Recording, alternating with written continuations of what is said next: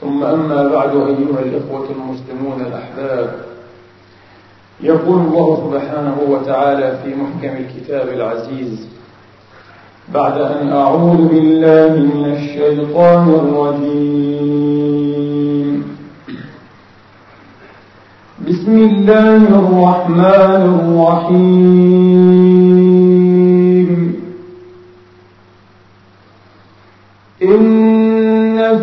خلق السماوات والأرض واختلاف الليل والنهار.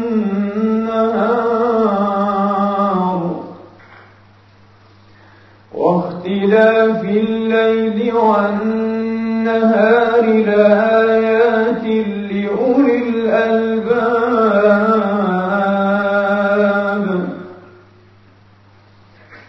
الذين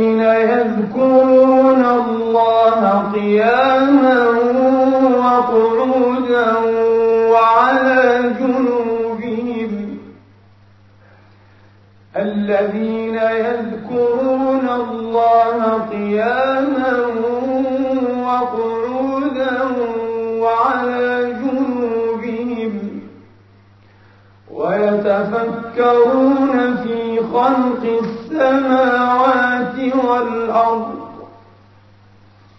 ربنا ما خلقت هذا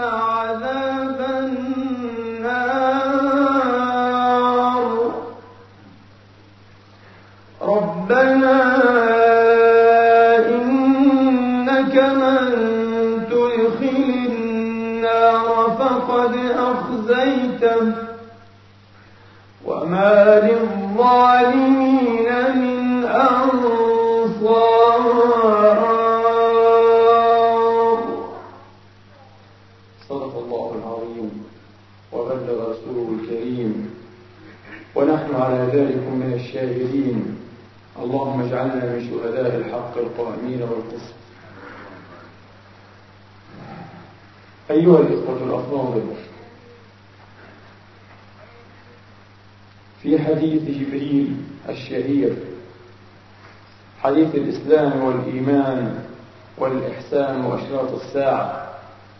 الحديث الذي أخرجه الإمام مسلم في صحيحه عن الفاروق رضي الله تعالى عنه وأرضاه.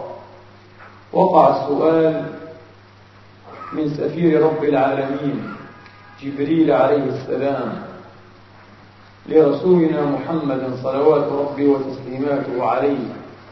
قال أخبرني ما الإحسان قال الإحسان أن تعبد الله كأنك تراه فإن لم تكن تراه فإنه يراك.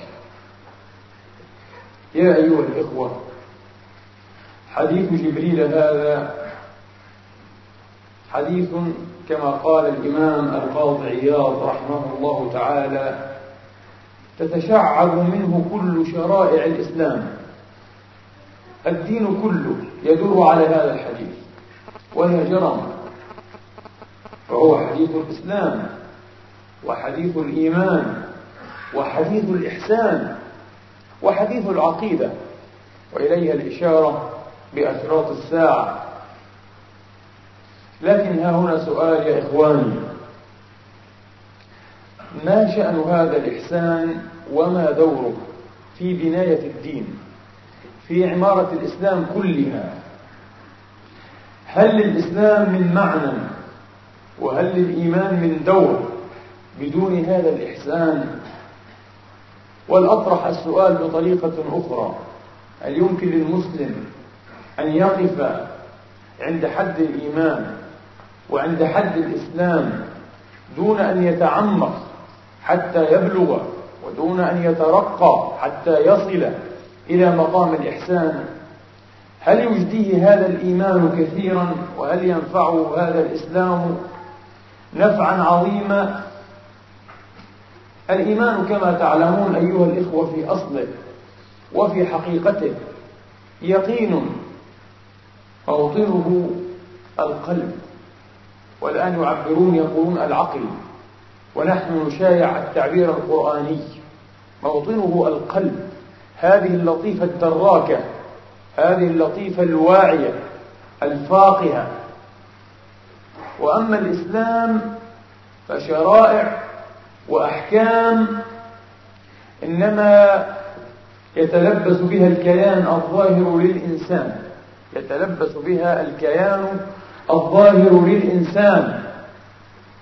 ولكن يختصر كما نرى في حال أو من حال كثيرين من المسلمين يقتصر بعض الناس على أن يطوي جوانحه على هذه العقائد الإسلامية الراقية دون أن يخطو بعد ذلك خطوة أبعد في مدى أوسع متشبثا ومزينا ظاهره وكيانه الظاهر بشرائع الإسلام وأحكامه وشعائره. إذا فهذا اليقين القلبي برأسه بحياله ليس قوة كافية ليس سببا كافيا ليس باعثا كافيا لأن يستحيل إلى مظاهر عملية لأن يستحيل إلى تعبيد هذا الكيان الظاهر. لابد من قوة تربط بين الجانبين بين هذا اليقين القلبي الباطن وبين السلوك الظاهر البادي. فما عساها تكون هذه القوة؟ ما عساها تكون هذه الواسطة؟ هذا السبب. الواصل بين يقين القلب وبين سلوك الظاهر. إنه ليس إلا الإحسان. إنه ليس إلا الإحسان. وهذه حقيقة موضع هذا الركن الهام والخطر من أركان الدين من بناية الدين كله الإحسان. بدون هذا الفهم أيها الإخوة يمكن أن نجد ما نجده الآن كثيرا من هذا التناقض من هذا الازدواج العجيب الذي يراه بعض الناس غير قابل للتفسير مع أنه مفسر ومفهوم. كيف يمكن أن يدعي الإنسان الإسلام والإيمان واليقين والمعرفة بالله تبارك وتعالى وهو في نفس الوقت والعياذ بالله غارق إلى فرقه إلى مفرق رأسه في الشهوات في الملذات في المعاصي في البعد عن الله سبحانه وتعالى. بل بعض الناس ومن أسف قد يرتاب المساجد وقد يأخذ وهنا من الليل وشطرا من العبادة إلا أنه في نفس الوقت يعاني من هذه الازدواجية. يكون في ساعة ملكا رحيما ويرى نفسه هو بذاته في ساعة أخرى شيطانا رجيما. ما سر هذا الازدواج؟ الأسبوع الماضي قال لي بعض الإخوة أنار الله قلبي وقلبه وقلوبنا أجمعين بذكره وفتح أقفالها ومغالقها. بفضله وأتم علينا نعمته. قال لي ربما أسمع خطبة فيحيا قلبي وما هي إلا برهة تطول أو تقصر حتى أعود في حافرتي. أعود إلى ما كنت عليه. قلت يا أخي هذا ليس حالك وحدك. هذا حالنا جميعا وأنا أول الناس. هذا حالنا جميعا. لماذا نعاني من هذه الازدواجية؟ هل ينقصنا كثير علم بالإسلام أيها الإخوة؟ قد ينقصنا العلم لا ريب ولكن العلم الذي ينقصنا ليس هو العلم الذي يمكن أن نستمر به على محجة الاستقامة. وفي سبيل الهداية بمعنى أن نأتي أو ناتي ما فرض علينا وأن ندع ما أمرنا بودعه وتركه من المعاصي. الظاهرة والباطنة فنحن نتلبس بالمعصية عالمين بكونها معصية. إذا لا ينقصنا العلم بكون هذه معصية وبكون هذه من القاذورات والعياذ بالله. تلطخ القلب وتسود الروح وتنحط بالمرتبة ومنزلة الإنسان والعياذ بالله تبارك وتعالى. أيها الإخوة الذي ينقصنا هو قليل. من التحقق بمقام الإحسان. أن تعبد الله كأنك تراه. فإن لم تكن تراه فإنه يراك. وفي يقيني أن ظاهر أعمالنا ما لم تكن مدعومة بهذا الباعث الإحساني. فإن هذه الأعمال قد لا يكون لها كبير وزن عند الله تبارك وتعالى. الله لا يريد منا الظاهر فقط. الله يريد منا الحقيقة. يريد منا الصدق سبحانه وتعالى. يريد منا أن نكون له بكليتنا. وهذا لا يكون إلا بالتحقق بمقام الإحسان. أن تعبد الله كأنك تراه. فإن لم تكن تراه فإنه يراك. هما مقامان إذا مقام أعلى ومقام أدنى بقليل. مقام المشاهدة. كأنك تراه. تتراءى ربك لا إله إلا هو.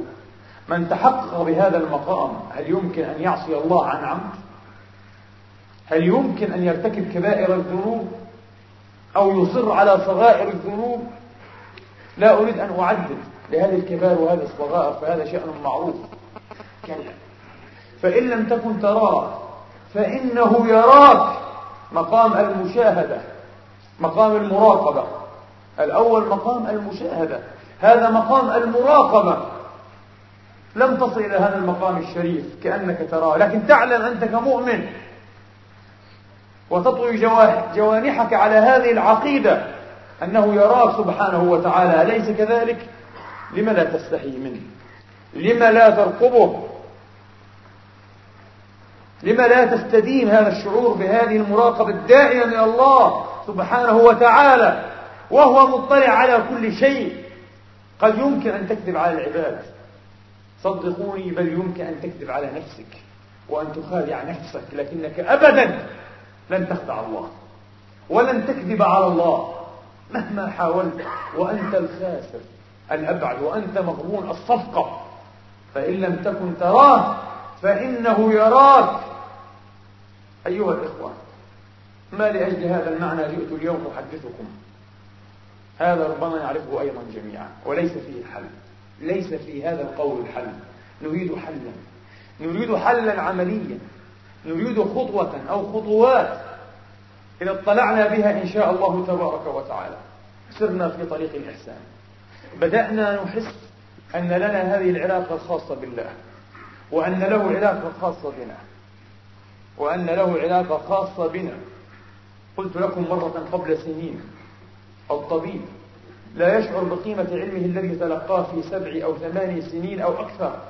أن تخصص أكثر من ذلك بكثير. ولا المهندس بجدوى علمه الذي قطع الليل والنهار في تحصيله والتفنن في إدراكه لا يشعر بثمرة ذلك ولا بلذته إلا حين يرى أثره في الواقع. مريضا يتعانى ويكابد مداواته إن شاء الله. وربما شفاه الله على يديه فيفرح بما أوتي من علم ويذكر نعمة الله عليه. أو عمارة شاهقة زامقة محكمة البناء تصبح حديث الغادي والرائح من إنشائه وتصميمه من إنشائه وتصميمه يشعر بقيمة العلم. كذلكم هذا الإيمان الذي ندعيه. هذا الإيمان الذي نطوي عليه جوانحنا. لن نشعر بقيمته. لن نشعر بثمرته. لن نجد لذته ما لم نره. حقيقة ملموسة لنا نحن أولا. حقيقة تقربنا إلى الله تبتعد بنا عن معصية الله تجوهر نفوسنا جوهرة جديدة تبدل الصفات الخبيثة الرديئة في نفوسنا تحاول أن تخلي أو تخلي وأن تحلي كما يقول العارفون بالله أن تخلي نفوسنا وأرواحنا من الصفات الرديئة الخبيثة وأن تحليها بصفات الكمال بصفات شريفة بخصال ماجدة كريمة على الله سبحانه وتعالى. هذا هو دور الإيمان إذن. وحينئذ نشعر بقيمة الإيمان. وصدقوني نستشعر بنعمة الله علينا أن جعلنا من المؤمنين. حينئذ قبل ذلك يبقى الإيمان كلمات. ويبقى الإسلام مظاهر لأن الرابطة بينهما غير موجودة. أن تعبد الله كأنك تراه فإن لم تكن تراه فإنه يراك. قد يقول قائل لا تطول علينا بهذه المقدمات هل من وسيلة عملية؟ وأنا أعلم أن فطرة كل مسلم ومسلمة تحن إلى هذا المعنى. أي أيوة والله. الإنسان بما هو إنسان يعاني ويكابد مرارة البعد عن الله وإن كان كافرا ملحدا فكيف بالمؤمن؟ كيف بالمؤمن كالعيس في البيداء يقتلها الظما والماء فوق ظهورها محمول ومن العجائب والعجائب جمة. قرب الحبيب وما إليه وصوله. هل أقرب من الله؟ والله أيها الإخوة إن الله أقرب إلى أحدنا من أوثق صديق يعتقد صداقته ويثق بمحبته. من زوجه من ولده بل أقرب إليك من نفسك يا عبد الله. ونحن أقرب إليه من حبل الوريد. نفسك تتأبى عليك وأنت تبتهل إلى الله وتقول اللهم إنك قد طلبت من أنفسنا أو إلينا من أنفسنا ما لا نقدر عليه إلا بك. فيسره لنا وأعنا عليه. أليس كذلك؟ فالله أملك لقلوب العباد من العباد. والله أقرب إلى قلوب العباد من قلوب العباد إلى العباد. الله أقرب إليك من نفسك. وأرحم بك منك وأدنى إليك منك. ولكن هناك من يعلم وهناك من لا يعلم. هناك من يعرف وهناك من لا يعرف. الله قريب. قرب الحبيب وما إليه وصوله كالعيس في البيداء يقتلها الظمأ والماء فوق ظهورها محمول لما؟ هل هذه الحقيقة هل هذا المعنى الذي ننشد؟ بعيد جدا كل هذا البعد حتى نتعنى في طلبه كلا إنه قريب كل القرب لكننا نعمى عنه أعمتنا الشهوات أعمتنا الأهواء أعمتنا الرغائب والعياذ بالله تبارك وتعالى. أعمانا الاستهلاك في الدنيا أعمانا الجذب وراء المال وراء المال وراء المجد وراء الشهرة وراء المكانة الاجتماعية وراء كل هذه الأشياء السخيفة لا يصفها بأكثر من ذلك. هي سخيفة. لا قيمة لها. بالله عليكم إذا دلي المرء في قبره هل يغدو لها قيمة؟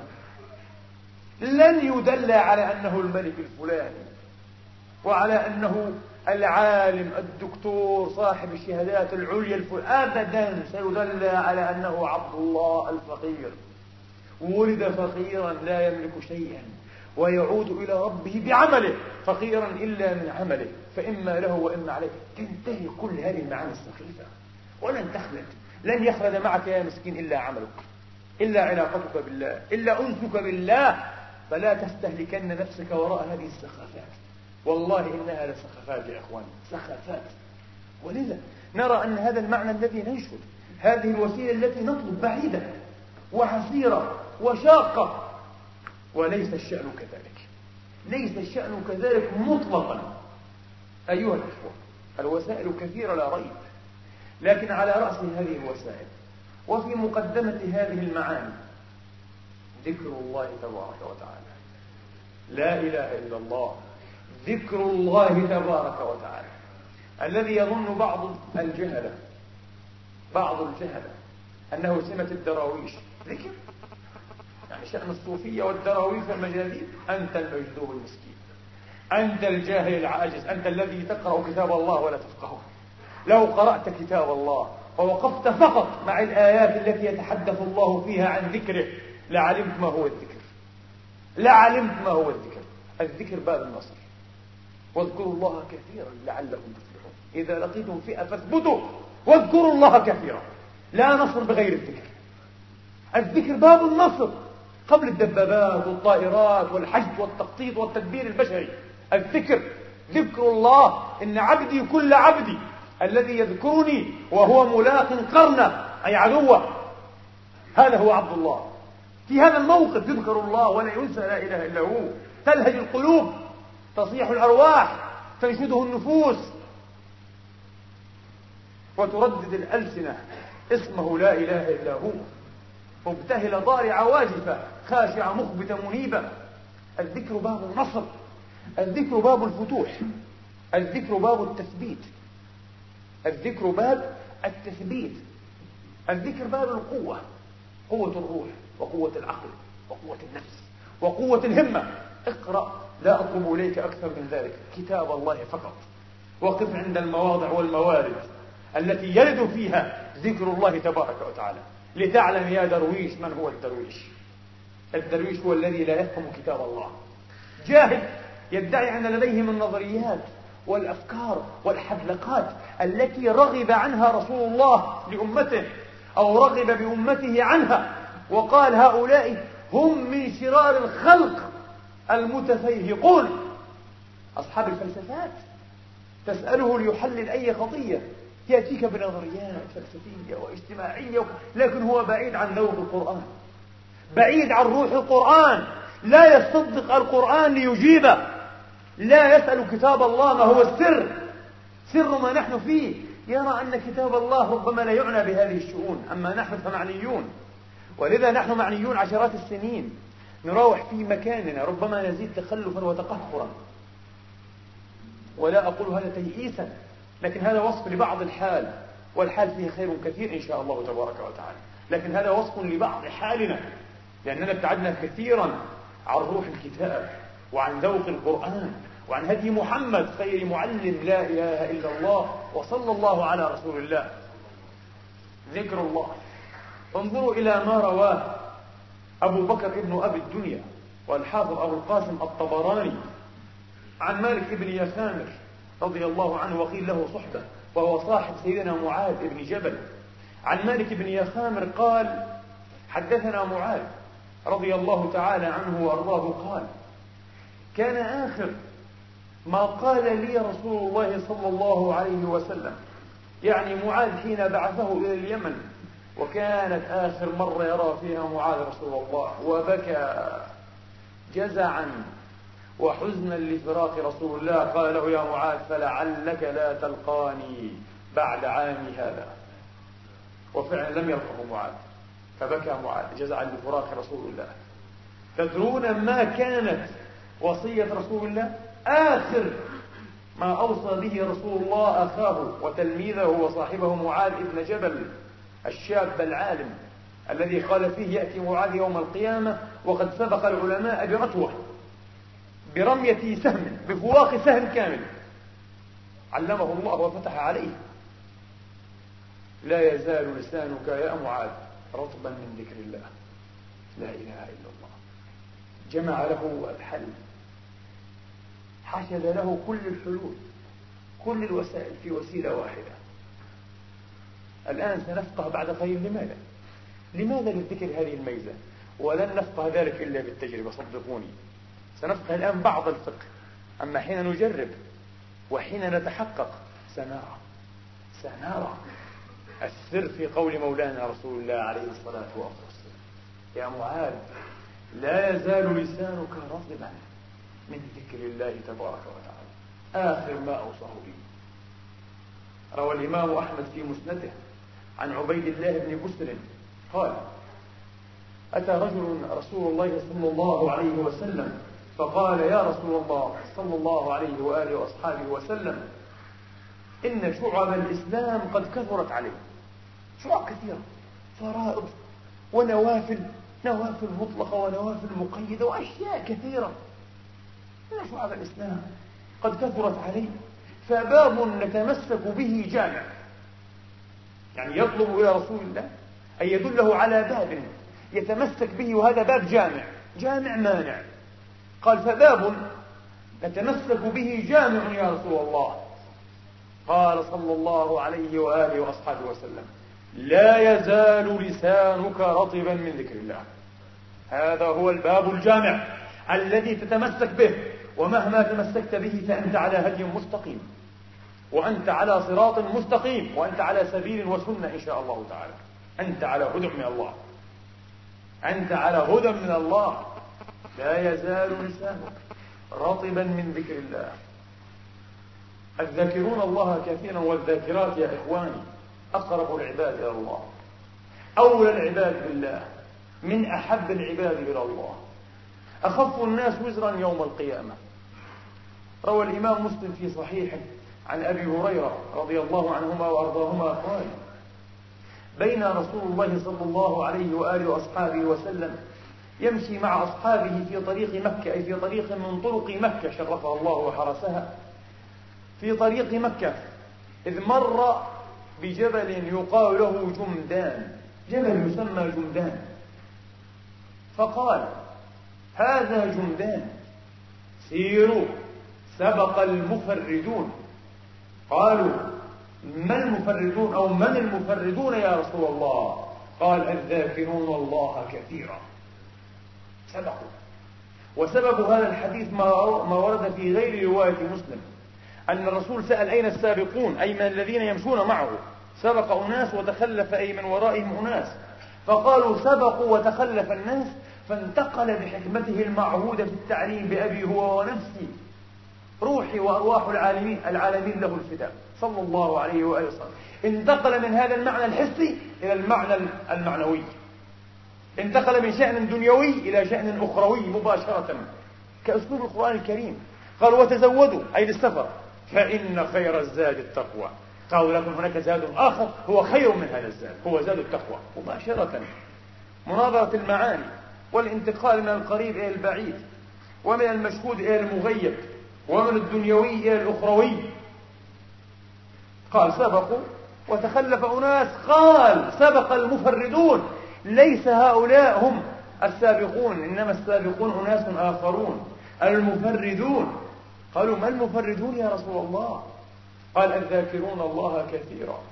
هذا الحديث أخرجه أيضا الإمام أبو عيسى الترمذي رحمه الله في جامعة قال ما المفردون؟ قالوا ما المفردون؟ قال المستهترون بذكر الله. ما معنى المستهترون؟ المولعون المداومون المولعون بذكر الله. شكل ولع تتيم حب دائما. قلبه ولسانه يذكر الله في الليل في النهار. لا يعرف غير ذكر الله. لا أحاديث البطالة. المولعون المداومون. المستهترون بذكر الله. يضع عنهم الذكر أوزارهم فيأتون خفافا يوم القيامة. لا أوزار لهم. بحمد الله. حسنات كثيرة سيئات قليلة. يأتون خفافا. والآخرون يحملون من الأوزار كأمثال الجبال على متونهم على ظهورهم وكواهلهم كأمثال الجبال. وأما هؤلاء يضع الذكر عنهم أثقالهم فيأتون خفافا يوم القيامة. وقد يسأل سائل لماذا يأتون خفافا؟ لماذا؟ لأن في الذكر سرا يحفظ الإنسان عن أكثر المعاصي. لأن في الذكر سرا يقرب الإنسان من رب العزة. لأن في الذكر سرا وسرا يفتح الإنسان من المغالق من مغالق الكرم والهبات والعطايا الإلهية. ما لا ينفتح إلا به إلا بالذكر إلا بهذا المفتاح. مفتاح ذكر الله تبارك وتعالى. ولذا كان وصية رسول الله الجامعة. كان وصية رسول الله صلوات ربي وتسليماته عليه الجامعة.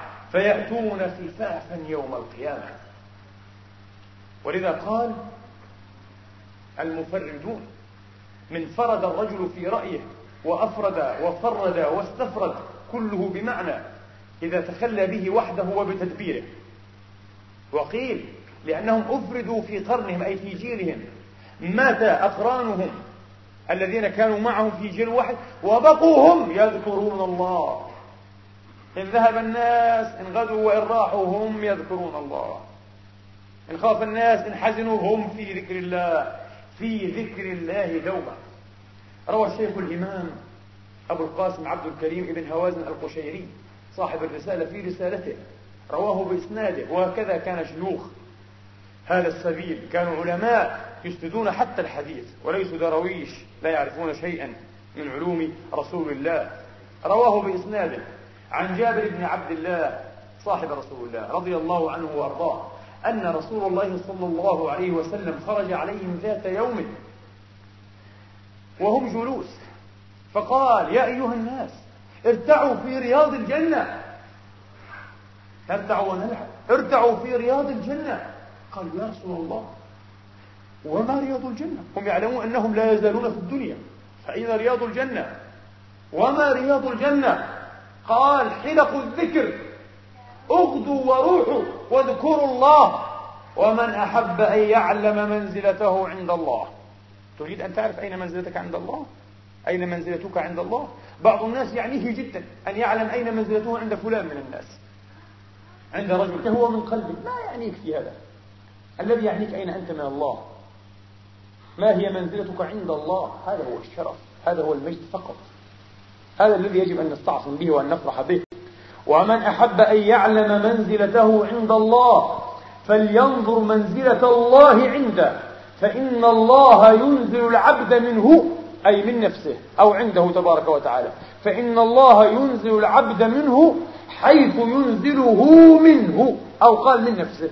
أي حيث ينزله العبد أي ينزل الله من نفسه. واحد يقول قائل كيف أنزل الله من نفسي نعم. هل ترجو لله وقارا؟ هل تعظم الله؟ هل تعتقد محبته؟ هل تعتقد خشيته؟ هل تربت هيبته في قلبك؟ هل لله هيبة في قلبك؟ بعض الناس يتصرفون ويسلكون وتصرفهم وسلوكهم ينادي عليهم بأنهم لا يعرفون معنى هيبة الله. بل قد يهابون بعض الناس أكثر مما يهابون الله. كما قال الله في شأن المتخلفين والمنافقين يخشون الناس كخشية الله أو أشد خشية أين؟ أين منزلة الله من نفسك؟ أين وقار الله؟ أين جلال الله؟ أين محبته؟ أين خشيته؟ أين رجاؤه؟ أين الوثوق به والتوكل عليه؟ انظر منزلة الله عند نفسك لتعلم منزلتك عند الله تبارك وتعالى هذا الحديث ينوره ويضيئه حديث الصحيحين رجل البخاري ومسلم عن أبي هريرة رواه حديث جليل ومشهور ربما تعرفونه كافة. قال صلى الله عليه وسلم يقول الله تبارك وتعالى أنا عند ظن عبدي بي وأنا معه إذا ذكرني. الله أكبر. معية. معية خاصة هذه هي المعية. يكون معك. قد يقول قائل كيف يكون معي؟ هو معنا دائما صحيح. هناك المعية العامة. فالله مع المؤمن ومع الكافر ومع النبات والحيوان ومع الأكوان كلها. ولو لم يكن الله مع أي شيء لن لاندثر لدثر لانعدم هذا الشيء في أقل من لمح البصر. إن الله يمسك السماوات والأرض أن تزولا. لكن هذه معية ليس فيها شرف خاص للمؤمن معية عامة معية رقابة معية تدبير معية ربوبية. ملك في ملك لا إله إلا هو. رب في مربوبيه. لكن نتحدث عن معية خاصة. قال كلا إنني معكما أسمع وأرى وأنا معه إذا ذكرني. معية خاصة فيها تشريف من ورائها فتوح من ورائها عطاءات إن شاء الله. خزائن تتفتح أبوابها ملأى ويد سحاء لا يغيضها العطاء الليل والنهار. هي يد الجليل المولى الكبير لا إله إلا هو. روى أيضا الإمام القشيري بإسناده عن ثوبان ابن إبراهيم المشهور بذنون المصري الرجل العارف الشهير قدس الله سره قال إذا ذكر العبد ربه ذكرا حقيقيا أو قال على الحقيقة إذا ذكرت الله ذكرا على الحقيقة أنساه ذكره الله كل شيء. إذا كنت تذكر الله تنسى كل شيء تنسى كل شيء. لا يغدو يهم يهمك أي أمر من أمور العالم. والدنيا يستحيل. ترى الأمور كلها بسيطة. كلها بسيطة. كلها هينة محتملة. وتقوم فيها بأمر الشرع. لكن لا تهمك كثيرا. ولا تشغلك عن وظائف العبودية للرب لا إله إلا هو. أنساه ذكره ربه كل شيء. قال وحفظه الله من كل شيء. وكان عوضا له عن كل شيء. هذا معنى المعية إذن. أنساه ذكره كل شيء. وحفظه الله في كل شيء أو حفظ عليه كل شيء وكان الله عوضا له عن كل شيء. وأنا معه إذا ذكرني. فإن ذكرني في نفسه ذكرته في نفسي. لا إله إلا الله. الله تذكرنا؟ نعم. قد يذكرني ويذكرك أنت. باسمك ونسبك يعرفك جيدا. هو ربك.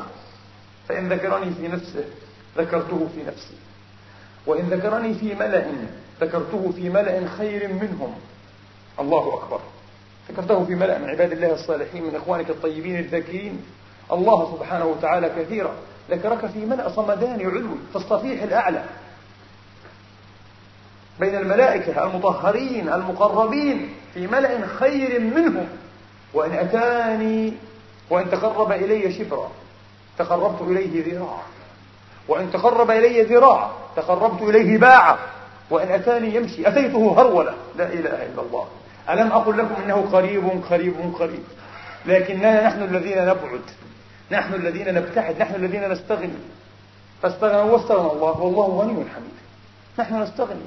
وما بنا والله غنى. قلت لكم أيها الإخوة يتعانى حتى الكفار مرارة البعد عن الله. فكيف بالمؤمن؟ ألم يكفنا ما تعانيناه وما نكابده من قسوة الذنوب؟ من حجاب الذنوب من تنكيد وتنغيص الذنوب على حياتنا. لماذا لا نجرب برد اليقين؟ ولذة الطاعة وحلاوة المناجاة وشرف الحضور مع الله تبارك وتعالى. لماذا؟ لماذا؟ جربوا. جربوا أن تسعدوا أنفسكم. سعادة لا تنغيص فيها وهناءة لا تنكيد معه وأن تروا توريا لا غصص فيه إن شاء الله. بطاعة الله بالقرب من الله بالتزلف إلى الله بالتذلل إلى الله بالإطراح على أعتاب عبودية الله لا إله إلا هو. جربوا ذلك. جربوا. ولن تعودوا خاسرين إن شاء الله تعالى. بل لن تعودوا أصلا بتوفيق الله ومنه. ستواصلون. ستواصلون إن شاء الله. ودعوا مرارة الذنوب وقسوة الذنوب وسواد الذنوب وذل الذنوب وحجاب الذنوب والعياذ بالله. تذل المرء في الدنيا والآخرة. تذل المرء وأنا أقسم بالله وأنتم متحققون من هذا المعنى أمام نفسه. الذي يعصي الله والله مهين ذليل عند نفسه. أليس كذلك يا إخواني؟ أنت ترى نفسك حقيرا ذليلا مهينا. تبغض نفسك لأنك تعصي الله. ولا تستطيع أن تقاومها.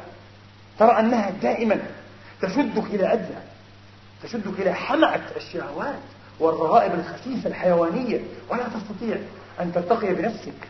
فذل الذنوب عند النفس أولا ثم عند الخلق شئت أم أبيت ثم عند الله وعند أملاك الله وعند أولياء الله من صالحي المؤمنين والإنس والجن. هذا هو الذنب والعياذ بالله تبارك وتعالى. أيها الإخوة فإن ذكرني في نفسي ذكرته في نفسي وإن ذكرني في ملأ ذكرته في ملأ خير منهم الله يذكرنا؟ ألم تتنبهوا إلى شرف هذا المعنى؟ أن يذكرك الله روى الإمام أحمد أن رسول الله صلى الله عليه وسلم حين نزل عليه جبريل بهذه الآيات سورة البينة لم يكن الذين كفروا من أهل الكتاب والمشركين منفكين إلى تمام السورة. قال يا محمد أو يا رسول الله إن الله أمرني أن آمرك أن تقرئها أبيا أي أبي ابن كعب أن تقرئها أبي فنادى به رسول الله وقال يا أبي إن جبريل أي عن ربه إن جبريل أمرني أن أقرئك هذه السورة. قال يا رسول الله وذكرت ثم ذكرك الله ذكرني الله لك. أنا مذكور بالاسم؟ أبي بن كعب؟ قال نعم فبكى أبي. وأخرجه الشيخان والترمذي والنسائي. وفي رواية أخرى عند أحمد عن أنس قال يا رسول الله وسميت هناك أي باسمي هنا قال ذكرت سميت قال نعم فبكى. وفي رواية الطبراني عن أبي نفسه قال سميت قال نعم باسمك ونسبك في الملأ الأعلى يا أبي بن كعب الله أكبر. هذا هو الشرف. الله يذكر عبده. وهذا هو معنى قوله سبحانه وتعالى ولذكر الله أكبر. ما معنى ولذكر الله أكبر أخرج الأئمة الحفاظ المحدثون من وجوه عدة. عن عبد الله بن عباس كابن جرير وابن أبي حاتم وأبي بكر بن المنذر وغيرهم عن ابن عباس. قال ولذكر الله أكبر هو ذكر الله لعبده إذا ذكره فذكر الله لعبده أكبر من ذكر العبد الله. هذا هو معنى الآية القرآنية. ولذكر الله أكبر أن الله يذكرك أنت تذكره فهو يكافئك ويثيبك ويجزيك بأن يذكرك لا إله إلا هو. إن في نفسه وإن في ملأ خير من ملئك فهذا أكبر بلا شك هذا أكبر وأشرف. اللهم اجعلنا من المذكورين عندك بفضلك ومنك. أيها الإخوة قبل أن نختم ونأتي إلى الوصاة التي أوصي بها نفسي وإخواني جميعا من من وجدان الخير ومحبة البر لإخواني كما أحبه إن شاء الله نفسي. وأسأل الله أن أكون صادقا في ذلك. أريد فقط أن أقول لكم إن هناك أذكارا ينبغي على المؤمن والمؤمنة. ولذا أوصيكم أن توصوا أزواجكم وأولادكم جميعا بهذه الوصاة على كل مؤمن ومؤمنة ألا يفرط فيها إذا أصبح وإذا أمسى. ورد يومي لا يمكن. أجمع على هذا الكلام الذي أنقله لكم كل أهل الله. العلماء والعارفون الصوفية وأهل الشرع تعلمون لماذا؟ لأن لهذا الكلام أصولا من كلام رسول الله صحيحة وحسنة. الاستغفار مئة مرة. لا تدع ذلك. مئة مرة على الأقل إذا أصبحت وإذا أمسيت. بعد صلاة الصبح وبعد صلاة العصر. فإن فاتك بعد المغرب. فإن فاتك بعد العشاء. فإن فاتك إلى منتصف الليل. لكن لا ينبغي أن تفرط إن نمت عن صلاة الصبح وأخذ الله بنفسك فحين تستيقظ. قل هذا الورد إن شاء الله. مئة مرة. أستغفر الله. بأي صيغة؟ هذه أقصر صيغة أستغفر الله أو أستغفر الله العظيم. إلى آخره. مئة مرة. لا إله إلا الله وحده لا شريك له. له الملك وله الحمد وهو على كل شيء قدير. مئة مرة. مئة مرة. الصلاة والسلام على روح أرواحنا وطبيب نفوسنا وشفاء عللنا رسول الله صلى الله عليه وآله وأصحابه وسلم. مئة مرة حين تصبح ومئة مرة حين تمسي هذا هو الحد الأدنى وانظر كيف سيتبدل حالك. وحاول أن أن يكون لك حضور في هذا الذكر. في البداية قد لا تستطيع وهذا شيء بديهي. بعض الناس يقول لا أنا لا أريد ذكر اللسان. ماذا يجديني أن يذكر لساني وقلبي ساح وقلبي غافل. كلا. واستمع إلى قول الإمام الصالح ولي الله المرشد المربي الكبير ابن عطاء الله السكندري قدس الله سره الذي شرحنا طرفا يسيرا من حكمه في شهر رمضان المبارك المنصرم. يقول ابن عطاء الله يقول ابن عطاء الله رحمة الله تعالى عليه لا تتركن ذكره لعدم حضورك مع الله فيه. أنت غير حاضر مع الله فلا تترك ذكر الله لعدم الحضور فإن غفلتك. عن وجود ذكره. أشد من غفلتك في وجود ذكره. الذكر موجود وأنا غافل. أشد من ذلك وأقبح أن تغفل عن ماذا؟ عن ذكره بالكلية. فلا تذكره. هذا أشد بكثير هذا معنى قوله. فإن غفلتك عن وجود ذكره. أشد من غفلتك في وجود ذكره. اسمعوا إلى الحكم. اسمعوا إلى هذا التنوير الإلهي ثم قال بعده. فعسى أن ينقلك من ذكر مع وجود غفلة إلى ذكر مع وجود يقظة اللهم آمين. ومن ذكر مع وجود يقظة هذا كلام لا نقوله للتفلسف أو لنحفظه لنردده. نقوله لكي نستفتح به أبواب الرحمة. فكروا فيه عميقا. لا ترددوه فقط فكروا فيه عميقا. وانظروا قد يمكن أن يصل أحدكم أو كثير منكم إن شاء الله. هذه المواصل. وأن يرقى في هذه النقاة بإذن الله تبارك وتعالى يوما من الأيام. وعسى أن ينقلك من ذكر مع وجود يقظة إلى ذكر مع وجود حضور. لا إله إلا الله. حضور. ومن ذكر مع وجود حضور إلى ذكر مع غيبة عما سوى المذكور وما ذلك على الله بعزيز. لا إله إلا الله. تصل إلى درجة تفنى فيها عما سوى الله. لا تعود تلحظ أحدا غير الله. ترى الله هو المتصرف هو الرافع الخافض هو لا يوجد شيء إلا بالله سبحانه وتعالى. وهنا يكمل توحيدك ويكمل إيمانك بالله تبارك وتعالى. وتعلم أن البداءة وأن النهاية هي إلى الله وأن إلى ربك المنتهى. لا إله إلا الله. فلا تترك الذكر لوجود الغفلة. ابدأ حتى مع غفلة. سيتنور قلبك بهذا الذكر قليلا قليلا. أيها الإخوة. وأما الوصاء التي أريد أن أشدد عليها. طبعا أنتم ستجدون في مئة مرة ومئة مرة ومئة مرة هذه لا تأتي عشر دقائق, دقائق فقط. عشر دقائق بعد الصبح عشر دقائق بعد العصر. ستجدون سرا كبيرا. روعة. تغيير رائع يروعنا. نستغرب منه. أما إذا داومتم على هذه الوصاء الثانية وهي أغرب وأعجب. أشرت إليها في درس رمضاني قصير من دروس ما قبل الوتر الوعظية القصيرة. قلت لكم يا إخواني عرفني الله وإياكم والمسلمين به. إن أولياء الله يرون أنه عند فقد المرشد الكامل. أحد يقول هذا كلام صوفي. نحن لا تعنينا الأسامي ولا العناوين صوفي أو غير صوفي لا يهمنا. نحن تهمنا الحقائق. ومن الحقائق أنه لا بد من وجود هذا الرجل الكامل المتصل حبله بالله الصادق المخلص المنور المنور أما أهل العلم وأهل الكلام أمثالنا باللسان هذا لا, لا كبير جدوى. لا كبير جدوى تنعقد عليهم. نريد المرشد الكامل من أهل الله. وهذا نادر كما قال أبو حامد أندر من الغراب الأعصم ومن الكبريت الأحمر. فعند فقد المرشد ماذا يجدينا؟ أيها الإخوة ماذا يجدينا؟ أسأل الله أن ينفعني وإياكم بما أقول. وقد يقول بعض الناس هذا كلام درويش. فله ما أختار. ولا يزال أقوام يتأخرون حتى يؤخرهم الله. لذا أسأله واجفا ضارعا أن يفتح مسامع قلبي وقلوبكم لذكره. وأن يدلنا عليه وإلا فوالله نحن هلك إن بقينا على هذه الحالة. إن بقينا هكذا رسوم وشعائر ظاهرية بلا ذوق الإيمان بلا حقيقة الإحسان فوالله نحن هلك ومن الصعب أن نطمئن إلى لقاء الله في مثل هذه الأوضاع. قال هؤلاء العارفون يقوم مقام المرشد الكامل عند فقره المحافظة كل يوم وكحد أدنى على ألف مرة. ألف وليس مئة مرة.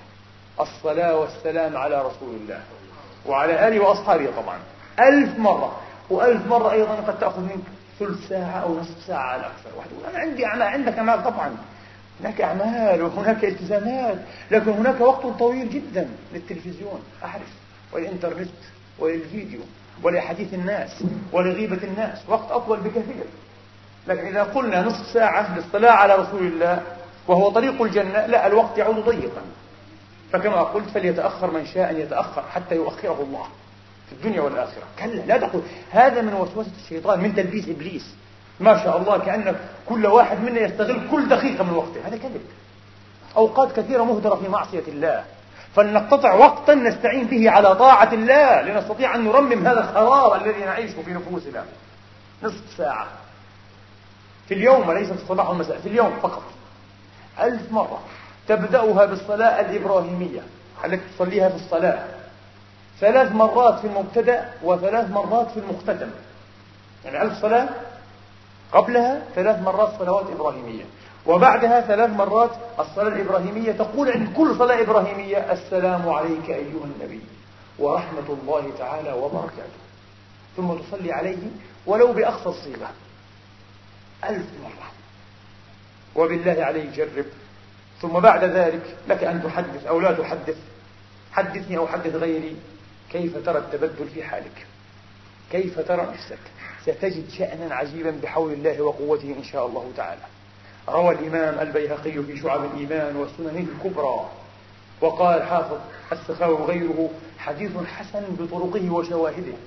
قال صلى الله عليه وسلم من نسي أو من ترك الصلاة عليه فقد خطئ طريق الجنة. من ترك الصلاة على رسول الله فقد خطئ أي أخطأ وضل عن طريق الجنة.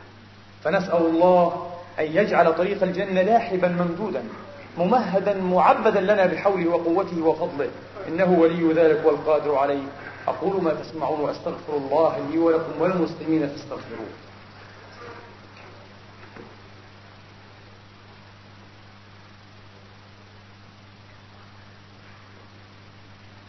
الحمد لله الحمد لله الذي يقبل التوبة عن عباده ويعفو عن السيئات ويعلم ما تفعلون. ويستجيب الذين آمنوا وعملوا الصالحات ويزيدهم من فضله والكافرون لهم عذاب شديد. وأشهد أن لا إله إلا الله وحده لا شريك له وأشهد أن سيدنا محمدا عبده ورسوله صلى الله تعالى عليه وعلى آله وأصحابه وأتباعه وسلم تسليما كثيرا. عباد الله اعلموا أن الله سبحانه وتعالى قد أمركم بأمر بدأ فيه بنفسه ثم ثنى فيه بملائكة عرشه وقدسه فقال جل من قائل مخبرا وآمرا إن الله وملائكته يصلون على النبي. يا أيها الذين آمنوا صلوا عليه وسلموا تسليما. بيت اللهم صل على محمد وعلى آل محمد كما صليت على إبراهيم وعلى آل إبراهيم وبارك على محمد وعلى آل محمد. كما باركت على إبراهيم وعلى آل إبراهيم في العالمين إنك حميد مجيد. رب اغفر وارحم وتجاوز عما تعلم إنك أنت الأعز الأكرم. اللهم لا تؤاخذنا بما فعل السفهاء منا. اللهم اغفر لنا ما قدمنا وما أخرنا وما أسررنا وما أعلنا وما أسرفنا وما أنت أعلم به منا. أنت المقدم وأنت المؤخر ولا إله إلا أنت. ولا حول ولا قوة إلا بك. اللهم اجعل حبك أحب الأشياء إلى قلوبنا واجعل خشيتك أخوف الأشياء عندنا. وإذا أقررت أعين أهل الدنيا من دنياهم فأقر عيوننا من عبادتك يا رب العالمين. ربنا لا تؤاخذنا إن نسينا أو أخطأنا. ربنا ولا تحمل علينا إصرا كما حملته على الذين من قبلنا. ربنا ولا تحملنا ما لا طاقة لنا به. واعف عنا واغفر لنا وارحمنا. أنت مولانا فانصرنا على القوم الكافرين. عباد الله إن الله يأمر بالعدل والإحسان وإيتاء ذي القربى وينهى عن الفحشاء والمنكر والبغي يعظكم لعلكم تذكرون. اذكروا الله العظيم يذكركم واشكروه يزدكم وسلوه من فضله يعطكم. وقوموا إلى صلاتكم يرحمني ويرحمكم الله.